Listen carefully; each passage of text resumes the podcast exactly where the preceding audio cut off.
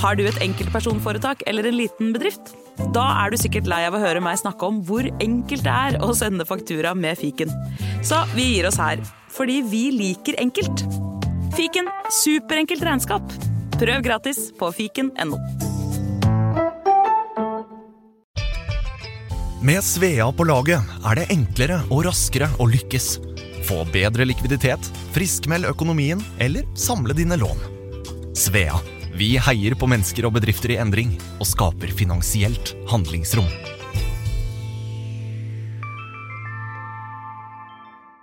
Har du pollenallergi?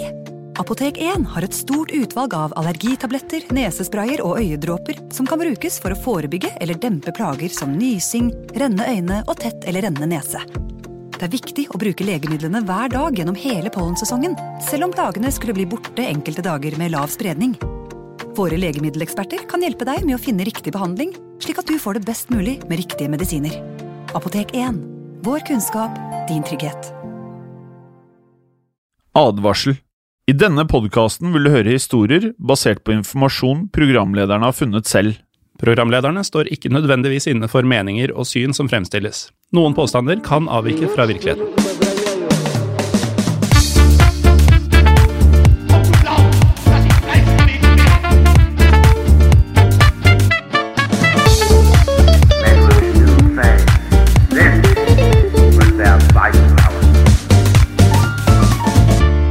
Velkommen til eh, historiepodden andre verdenskrig, eller historiepodden WW2. Mitt navn er som alltid Jim Fosheim.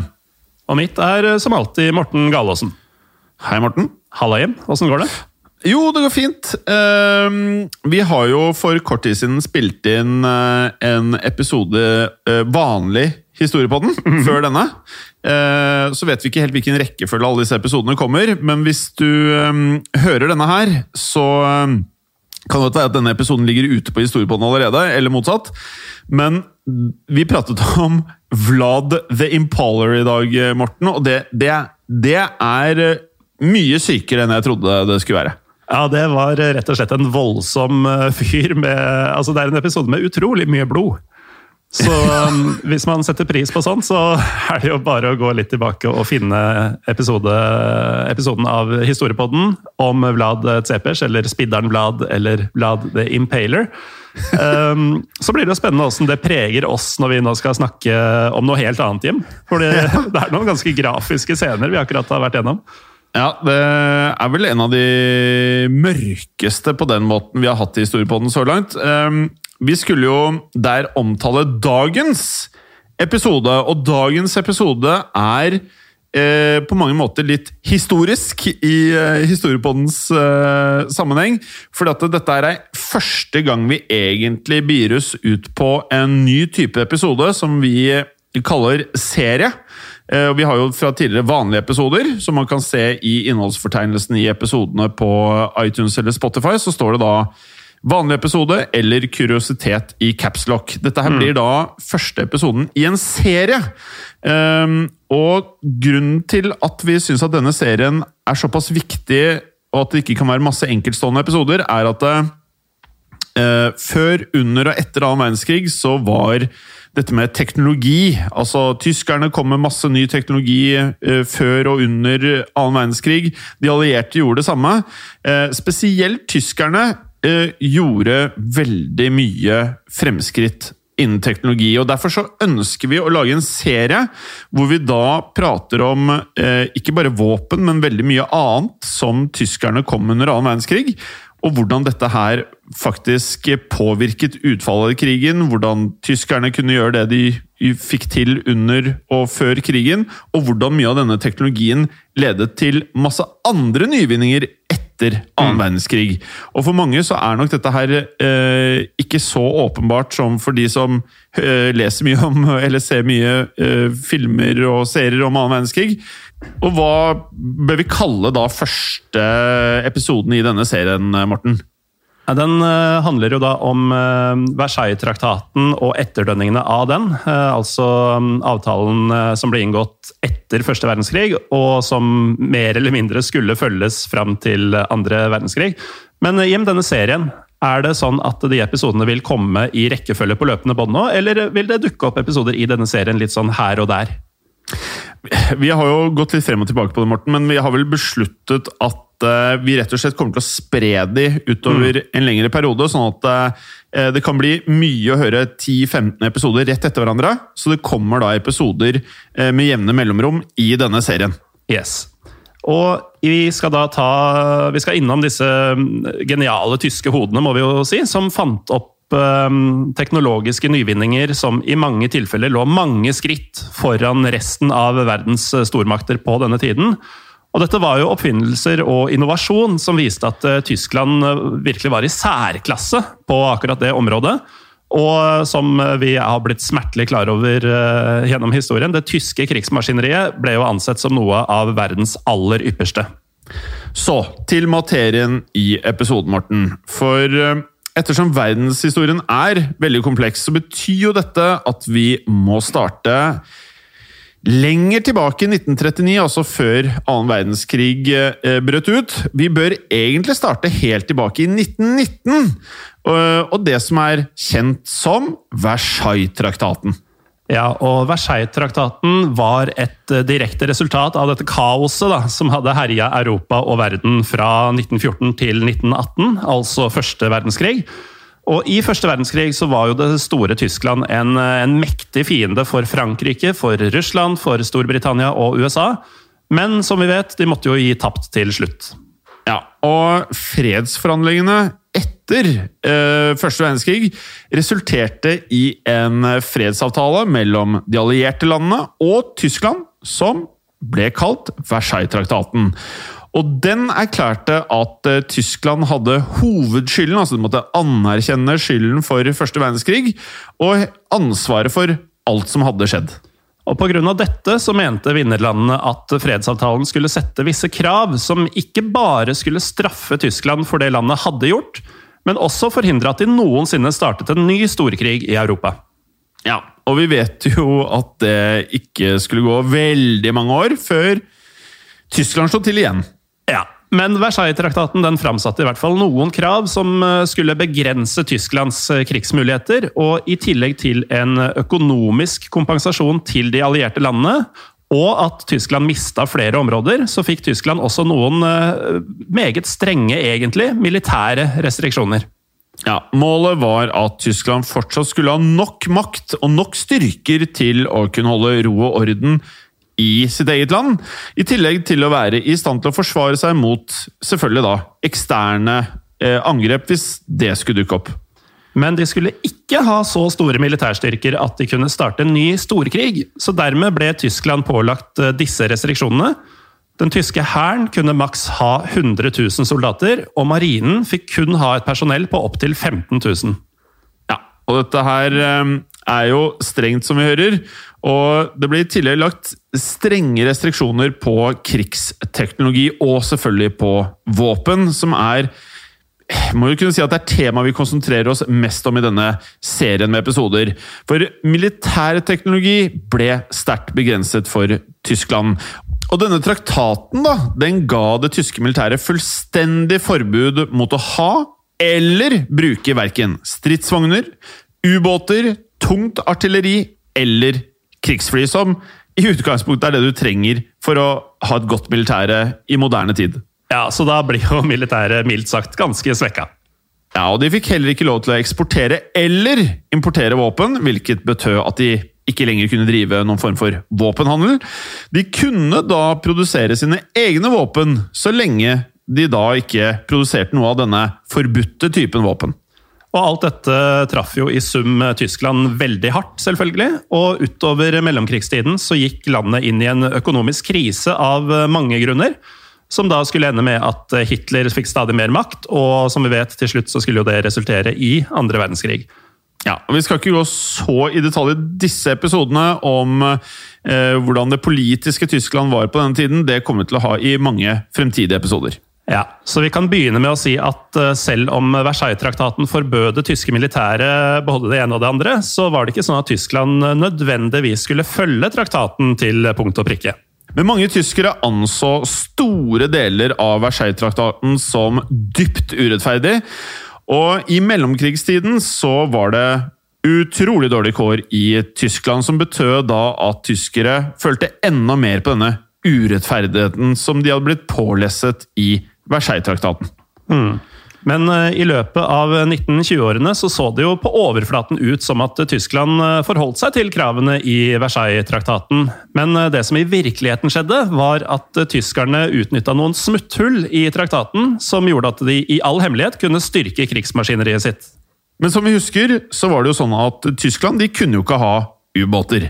Men i det skjulte så sendte Tyskland soldater til utlandet for å få opplæring og også da drive trening som ville gjøre dem klare til å bemanne ubåter i fremtiden. Ja, så Oppsummert så hadde de da ingen ubåter, men de sørga for at de hadde mannskap som kunne bruke ubåter. Helt riktig. Og et aldri så lite smutthull til var jo det at uh, tyskerne de fikk jo ikke lov til å bruke krigsfly. Som betyr at du i utgangspunktet da ikke kan ha noen form for luftforsvar heller. Det vil si at de militære pilotene som de da hadde, ikke hadde noen militære fly de kunne øve med i Tyskland. Nei, men her klarte de også å tøye reglene litt. Fordi det var, det var ingen militære fly, men det fantes jo fortsatt sivile fly i Tyskland. Altså fly som ikke var en del av militæret, og det var jo lov. Dermed så begynte det tyske militæret i skjul etter hvert å trene flypilotene sine ved å bruke sivile fly i stedet for militære fly. Og på papiret hadde de derfor ikke noe luftforsvar, men de opprettholdt da likevel pilotenes flykompetanse. Ja, og disse eksemplene kan godt uh, kalles smutthull, men det var jo egentlig uh, i praksis brudd på fredsavtalen. men det stoppet ikke her. For i løpet av 20-tallet skulle nemlig Tyskland bryte Versailles-traktaten ytterligere ved flere anledninger.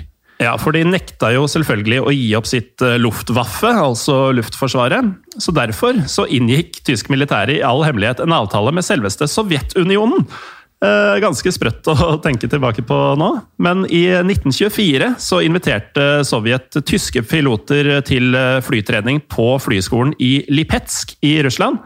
Og året etter overførte det sovjetiske militæret flyskolen til det tyske militæret.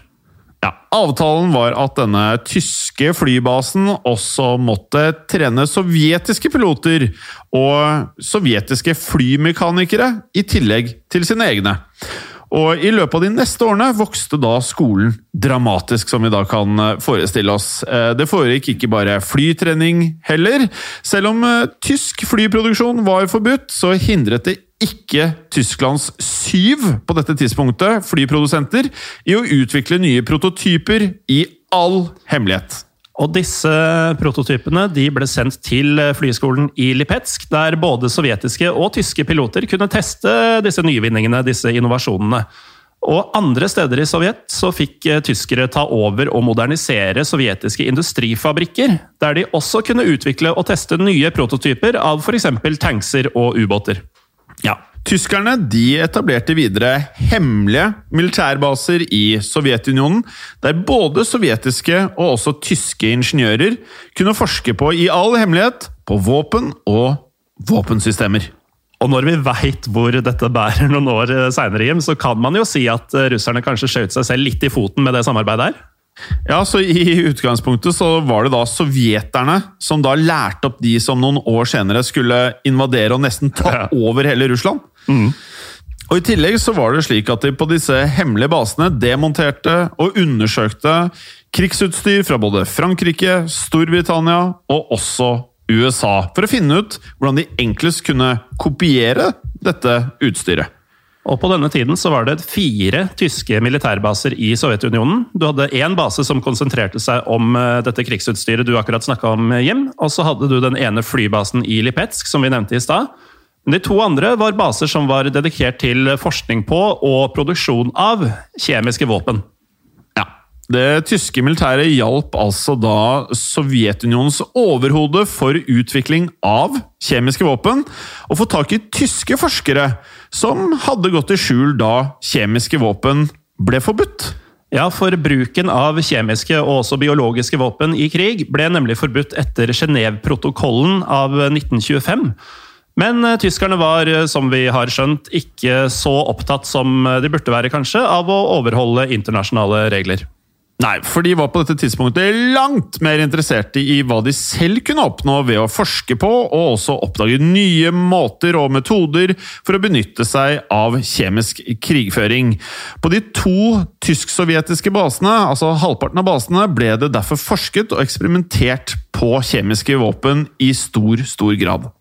Egne lag med forskere eksperimenterte da med nye stoffer og måter å spre giftige gasser på. Og de forska også på mulige måter å behandle skader forårsaket av giftige gasser. Så i 1931 så var tyske forskere faktisk ansvarlige for så mye som halvparten av Sovjetunionens program for produksjon av kjemiske våpen. Ja, og Dette her tror jeg for mange av lytterne våre, selv om man er veldig interessert i annen verdenskrig, jeg tror for mange så er dette litt nyheter, eller? Ja, jeg vil tro det. Det var i hvert fall det da jeg begynte å lese om det. Ja. Det tyske militæret var veldig opptatt av å vektlegge rask våpenkrigføring som strategi for krig. Og som vi vet, så var jo blitskrigen en viktig komponent i deres suksess under annen verdenskrig. Mm. Slik at eksperimentene som forskerne da utførte i Sovjet, overbeviste tyske strateger om at kjemisk krigføring ikke ville fungere optimalt i kombinasjon med denne blitskrigsstrategien deres. Derfor la de fra seg den tanken i, i, stor grad, men dette viser jo at eh, den enorme forskninga tyskerne dreiv med i Sovjetunionen, virkelig danna et grunnlag for hvordan det tyske militæret skulle operere senere.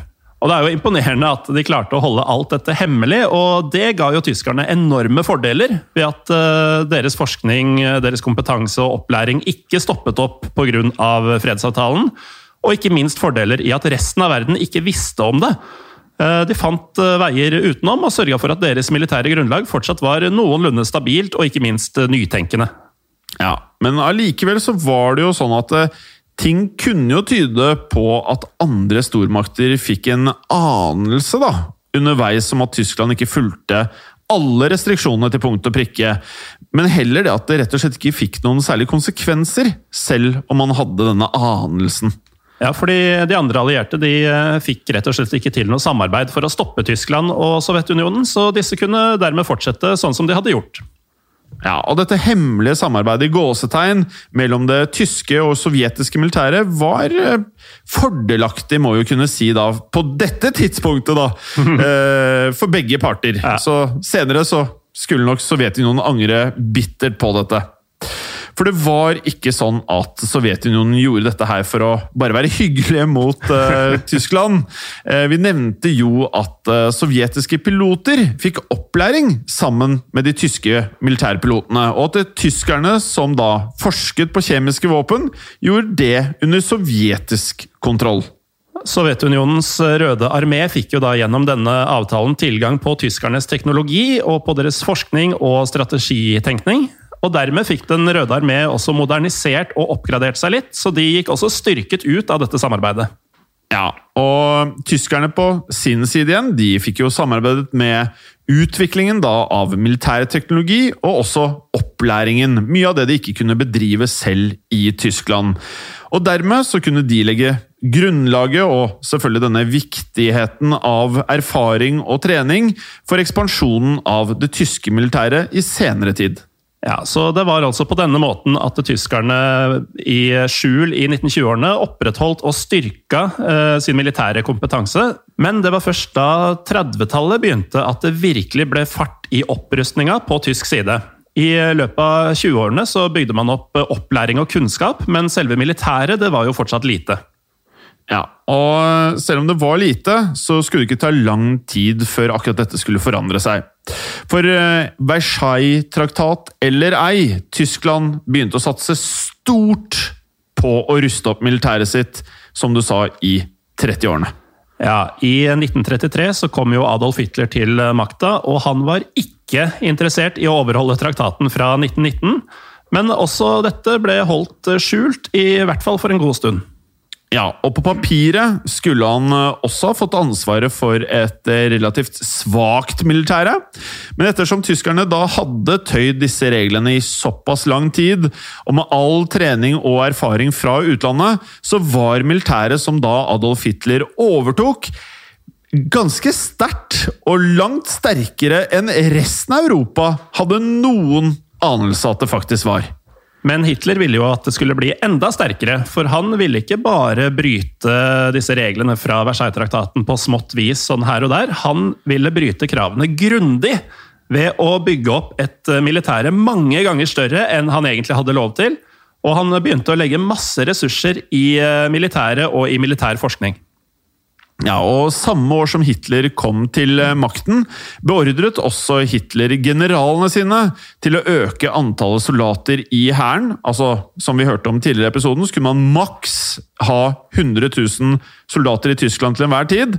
Nå kom ordrene fra Hitler om at det tyske militæret skulle nå ruste opp til 300 000 soldater. Altså tre ganger så mye som hva de hadde lov til, og som de da hadde fra før. I tillegg til denne drastiske økningen i eh, soldater, så beordret også Hitler, og dette her er jo eh, et ekstremt antall når du ikke fikk lov til å ha noe, han beordret at nå skulle Tyskland ha et Luftwaffe med 1000 krigsfly.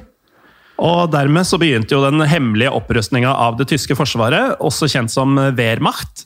Så mens eh, resten av Europa var opptatt av etterdønningene fra depresjonen, så satt altså tyskerne og rusta opp både tropper, fly og annet utstyr.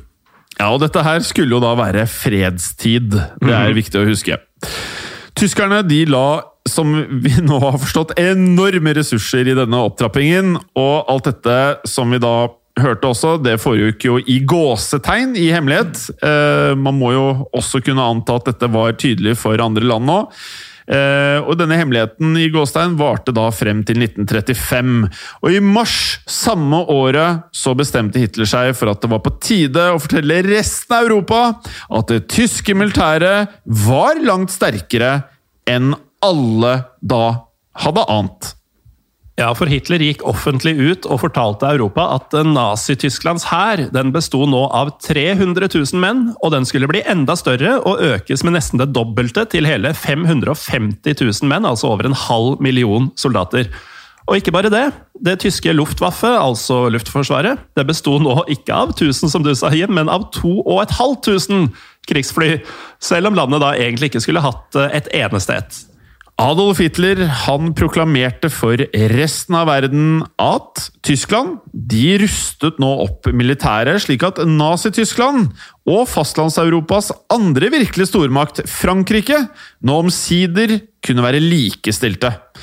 Og Argumentet hans var da at dette ville overholde freden i langt større grad, når alle visste at Tyskland ikke var et lett bytte, men at de da hadde, i hans eh, terminologi, et lite forsvar. Ja, og dette åpenbare bruddet på Versailles-traktaten det skulle man jo tro skapte stor furore, men eh, det ble faktisk ikke noe særlig med konflikt eller konfrontasjoner. Eh, resten av Europa de, de holdt seg egentlig ganske passive i hele saken her, og Frankrike de reagerte ved å styrke forsvaret sitt mot den tyske grensa, og sammen med Storbritannia og Italia så leverte de en formell protest. Eh, et Italia da som ikke ennå var alliert med Tyskland. Ja, og Utenom det så har vi egentlig blitt litt overrasket over hvor lite motstand det virket å ha vært. Eh, det var nok enda mer enn det vi forteller her også, selvfølgelig. Men eh, summa summarum så var den, den, totale oppfatningen var ikke med noe særlig eh, sanksjoner utover det som er nevnt.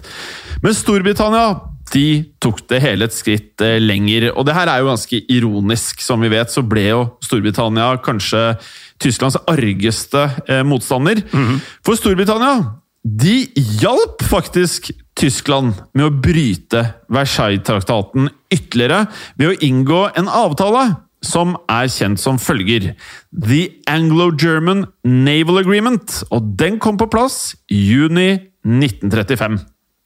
Som vi husker, så var det slik at Versailles-traktaten den forbød Tyskland å ha ubåter. Og så var det også en liten føring på hvor mange krigsskip Tyskland kunne ha. For det høres ut som et sånn random tall, mm. men Tyskland kunne bare da ha seks krigsskip som da var over 10 000 tonn. Men denne regelen den brøt The Anglo-German Naval Agreement med. For i denne avtalen så inngikk nemlig Storbritannia og Tyskland enighet om at uh, tyskerne de kunne ha en flåte som til sammen utgjorde en tredjedel av Storbritannias flåte. Og da måler man i antall tonn. Altså så trengte ikke Tyskland lenger å overholde regelen om kun seks krigsskip på over 10 000 tonn. Fordi Storbritannias flåte var jo enorm. Altså Vi snakker Britannia rule the waves. Og selv med en tredjedel av tonnene tilgjengelig, så betydde dette at Tyskland kunne oppgradere i stor stil. Og det gjorde de også, som mm. man kan forestille seg. I tillegg til en overflateflåte. Altså en flåte med skip som holder seg på vannet? Yes, og ikke under overflaten. På en tredjedel av den som Storbritannia hadde.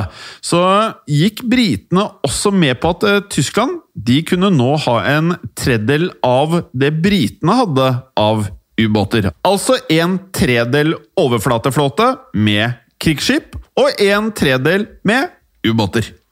Storbritannia, altså en av de nasjonene som hadde utforma kravene i Versailles-traktaten til å begynne med, de støtta direkte da at Tyskland skulle bryte disse kravene. Og Britene var av den oppfatning da at uh, Tyskland kom til å ruste opp flåta si uansett. For de hadde jo nettopp demonstrert at de hadde rusta opp luftforsvaret uten å bry seg nevneverdig om uh, Versailles-traktaten. Dermed var denne nye avtalen mer en uh, innsats for å bygge relasjoner og også diplomati mellom Storbritannia og Tyskland. Britene mente da at ved å inngå denne avtalen, så ville de ha en god oversikt over hvor hurtig og hvor stor marinen til Tyskland faktisk var. Så nå har vi jo da noen puslespillbiter rundt det tyske krigsmaskineriet, og her kommer da en, en kjapp oppsummering av det vi har snakka om hjem. Vi vet at Tyskland ble ilagt strenge restriksjoner i 1919, som de fant en del eh, smutthull i, og lagde da hemmelige avtaler med Sovjetunionen for å bryte disse reglene i skjul. Og på 30-tallet så gikk Tyskland inn for å virkelig ruste opp forsvaret sitt, og la enorme ressurser i det. Først da i all hemmelighet, før de gikk offentlig ut med det, og forsto at videre opprustning ikke ville skape noen særlige reaksjoner hos de andre stormaktene i Europa. Så dette betød da at Tyskland fortsatte å ruste opp militæret.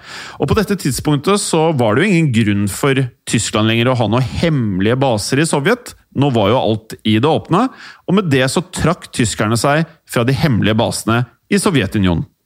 Ja, og Tyske produsenter av fly og ubåter og tanks hadde jo brukt disse basene i Sovjetunionen fra 1926 til 1933 for å, til å få prototypene sine testa, slik at de kunne utvikle dem videre. Og Da Hitler begynte å ruste opp det tyske militæret, var produsentene allerede klare, og de kunne begynne rett på å produsere de nye ubåtene, de nye flyene, de nye tanksene, nettopp fordi de hadde drevet utvikling på 20-tallet. Ja, for dersom de ikke hadde produsert ubåter og også krigsfly helt siden 1919, og så måttet begynne med det i 1933, da ville det jo hele gått utrolig treigt. Men pga. dette hemmelige sovjetiske samarbeidet så var jo da alt klart til produksjon av nytt eh, krigsmaskineri så fort Hitler ba om det. Og Frem til nå Jim, så har vi jo sett mye på selve opprustningen eh, tyskerne drev med, men vi tenker at uh, den neste delen av denne episoden skal handle litt mer om selve oppfinnelsene tyskerne fant opp i mellomkrigstiden. Særlig de som på et eller annet vis var relevant for militæret.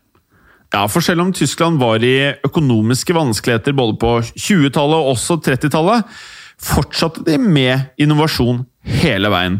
Vi tenker da å ta for oss noen av disse oppfinnelsene for å bedre forstå tyskernes innovasjonsevne. Ja, og um, altså, Bortsett fra det militære så fant de også opp en del uh, ting som ikke hadde noe med det militære å gjøre. De fant f.eks. på 20-tallet opp uh, den første pålitelige graviditetstesten. Uh, de fant også opp magnetbånd, som gjorde at man kunne ta opp og lagre store mengder lyd og video. Og dessuten så fant de opp den første maskinproduserte teposen i 1929. Ja, men det var også mange oppfinnelser og også innovasjoner fra mellomkrigstiden som militæret bestemte seg for å ta med seg og bruke under krigen.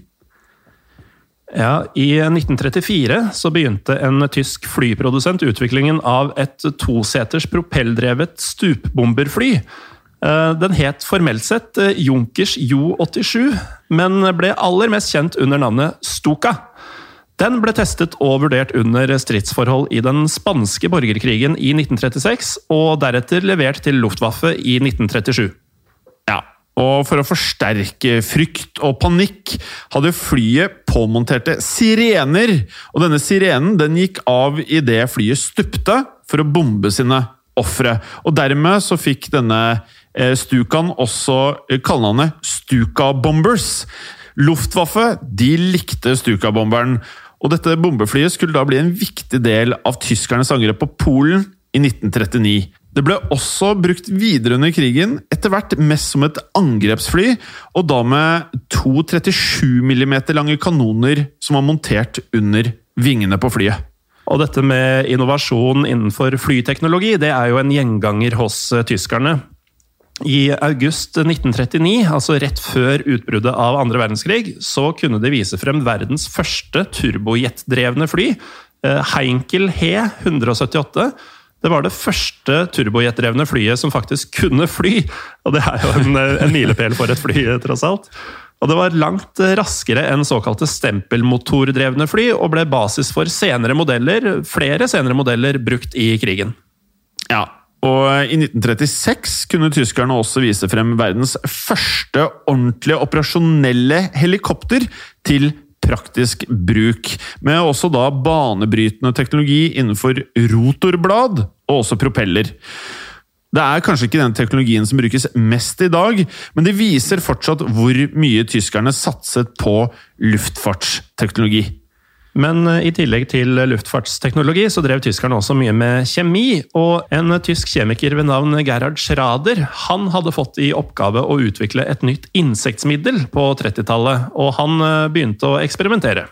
I desember 1936 lagde han et middel han kalte preparat 9-91. Selv utvannede versjoner av middelet kunne drepe insekter og skadedyr. Dessverre var det slik at preparat 991 hadde også da andre effekter. For når det ble testet på aper og også andre pattedyr, resulterte det i oppkast, sikling, svette, diaré og til slutt død. For Schrader han hadde ikke bare funnet opp et nytt insektmiddel, han hadde faktisk eh, laget verdens første nervegass, tabun. Ja, som insektmiddel var det ubrukelig fordi det var såpass skadelig, men det tyske militæret var selvsagt raskt på pletten og ville da undersøke dette nye preparatet ytterligere. Eksisterende kjemiske våpen som f.eks. sennepsgass kunne bruke timer eller dager på å drepe. Tabun derimot trengte kun 20 minutter, altså litt over et kvarter, på å drepe et menneske. Og Derfor satte militæret i gang å bygge en fabrikk der de produserte små luftbomber som var fulle av tabun. Andre verdenskrig den nærmet seg, og de tenkte at tabun kunne være et effektivt våpen mot fienden. Ja, men allerede i 1938 utviklet Schrader nervegiften sarin, og den var dobbelt så giftig som tabuen. og dermed begynte byggingen av en sarinfabrikk i stedet. Vi kan jo avsløre at de aldri kom så langt som å slippe bomber fulle av nervegift på fienden under krigen, Jim. Eh, faktisk så var det Hitler selv som la ned veto mot kjemiske våpen på slagmarken. Ehm, for da krigen satte i gang, så opplevde han stor suksess med denne blitzkrig-strategien som du nevnte tidligere, som vi kommer til å gå nærmere inn på i neste del av denne episodeserien. Ja, og siden denne strategien da hadde store antall fotsoldater, ville jo da bruken av kjemiske våpen også ende med å gå utover deres egne soldater. Bruken av tabun og sarin ble derfor ikke en stor innsatsmiddel i andre verdenskrig. Men eh, noen andre oppfinnelser fra mellomkrigstida ble brukt i stor grad under andre verdenskrig. To av disse var eh, Enigma-maskinen og Syklon B, altså gassen som ble brukt til å drepe over én million mennesker i nazistenes konsentrasjonsleirer under andre verdenskrig. Enigma-maskinen er da også svært kjent fordi nazistene brukte den under andre verdenskrig, men den ble faktisk funnet opp i 1918 av en mann med navn Arthur Scherbius, rett etter slutten av første verdenskrig. Den første ordentlige Enigma-maskinen så deretter dagens lys i 1923. For de som ikke er kjent med den, så er Enigma en eh, elektromagnetisk krypteringsmaskin. Det høres jo rimelig fancy ut. Eh, tyskerne brukte den til kryptering og dekryptering av informasjon, som da maskinen sendte i koder. Og disse kodene de var svært vanskelige å knekke, og førte til et eh, voldsomt stykke arbeid fra de allierte, der det gjaldt å knekke disse kodene raskest mulig. Ja, og Enigma-maskinen det føler vi Morten, må være en helt egen episode. Mm, definitivt. Som dere skjønner, så var jo tyskerne svært kreative i denne mellomkrigstiden. Både i militær sammenheng og også i mange andre felt. Og helt siden Versailles-traktaten i 1919 så var Tyskland hele tiden innstilte på å opprettholde og videreutvikle sine kunnskaper om spesielt våpen. Og dette la jo dette grunnlaget for utgangspunktet deres da krigen brøt ut i 1939. Og videre i denne serien med episoder så skal vi jo se mer på utviklinga av eh, naziteknologien under selve krigen. I tillegg så skal dere høre om hva som eh, skjedde med disse forskerne nazistene brukte, og ingeniørene etter krigens slutt. I mellomtiden eh, så oppfordrer vi selvfølgelig alle til å melde seg inn i Facebook-gruppa vår, Historie for alle, og å følge oss på Instagram og Facebook, der vi heter Historiepodden Norge begge steder. Ja, og så kan dere også høre på vår andre podkast, altså den som heter Bare Historiepodden. Uh -huh. eh, og rett oss gjerne på iTunes, der dere kan slenge en kommentar også. Så en liten femstjerner er jo aldri feil. Og kom gjerne med en tilbakemelding, eller også eh, tips til historier dere ønsker at vi skal prate om i fremtiden. Gjerne det. I mellomtiden så er det bare én ting å si. Det har skjedd. Og det kan skje igjen. Ha det! I produksjonen av Historiepodden så ønsker vi å takke Håkon Bråten for lyd og musikk. Takk til Felix Hernes for produksjon. Takk til Ellen Froktenestad for tekst og manus. Og takk til deg, Morten Galesen, for programlederrolle. Og takk til deg, Jim Fosheim, for programlederrolle. Moderne. Velkommen til Kjemperådet! Hey! Vi har fått inn et kjempenytt problem fra en mor. Jeg leser. Yes. Hei, jeg har en datter på 11 år som vurderer å slutte med orientering. Hun elsker jo å løpe, men finner aldri veien. Og jeg må sitte så lenge i bilen og vente. tricky. Yes, Ja, men dette her har jeg opplevd selv, faktisk. Og løsningen for meg ble da Maps på mobilen. Ja, Hun er jo under 13 år. Da får hun 5 gigabyte data for bare 149 kroner med Telenor. Oi. Hun bør jo sjekke ut nye mobilabonnement på telenor.no, da. Yes!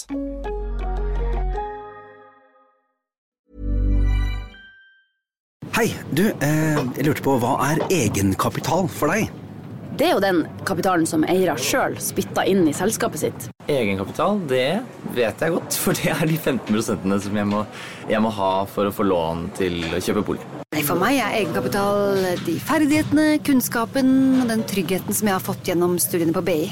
Det er jo en egenkapital jeg får bruk for hver eneste dag. Egenkapital handler ikke bare om økonomiske midler, men også verdien av det du har lært deg. På bi.no finner du kurs og programmer som tar deg videre. BI make it your business.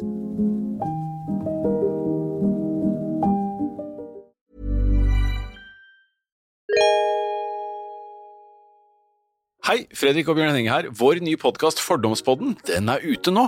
Podkasten der norske kjendiser møter seg selv i døra. Har Kristin Gjelsvik alltid drømt om å lære seg å jodle?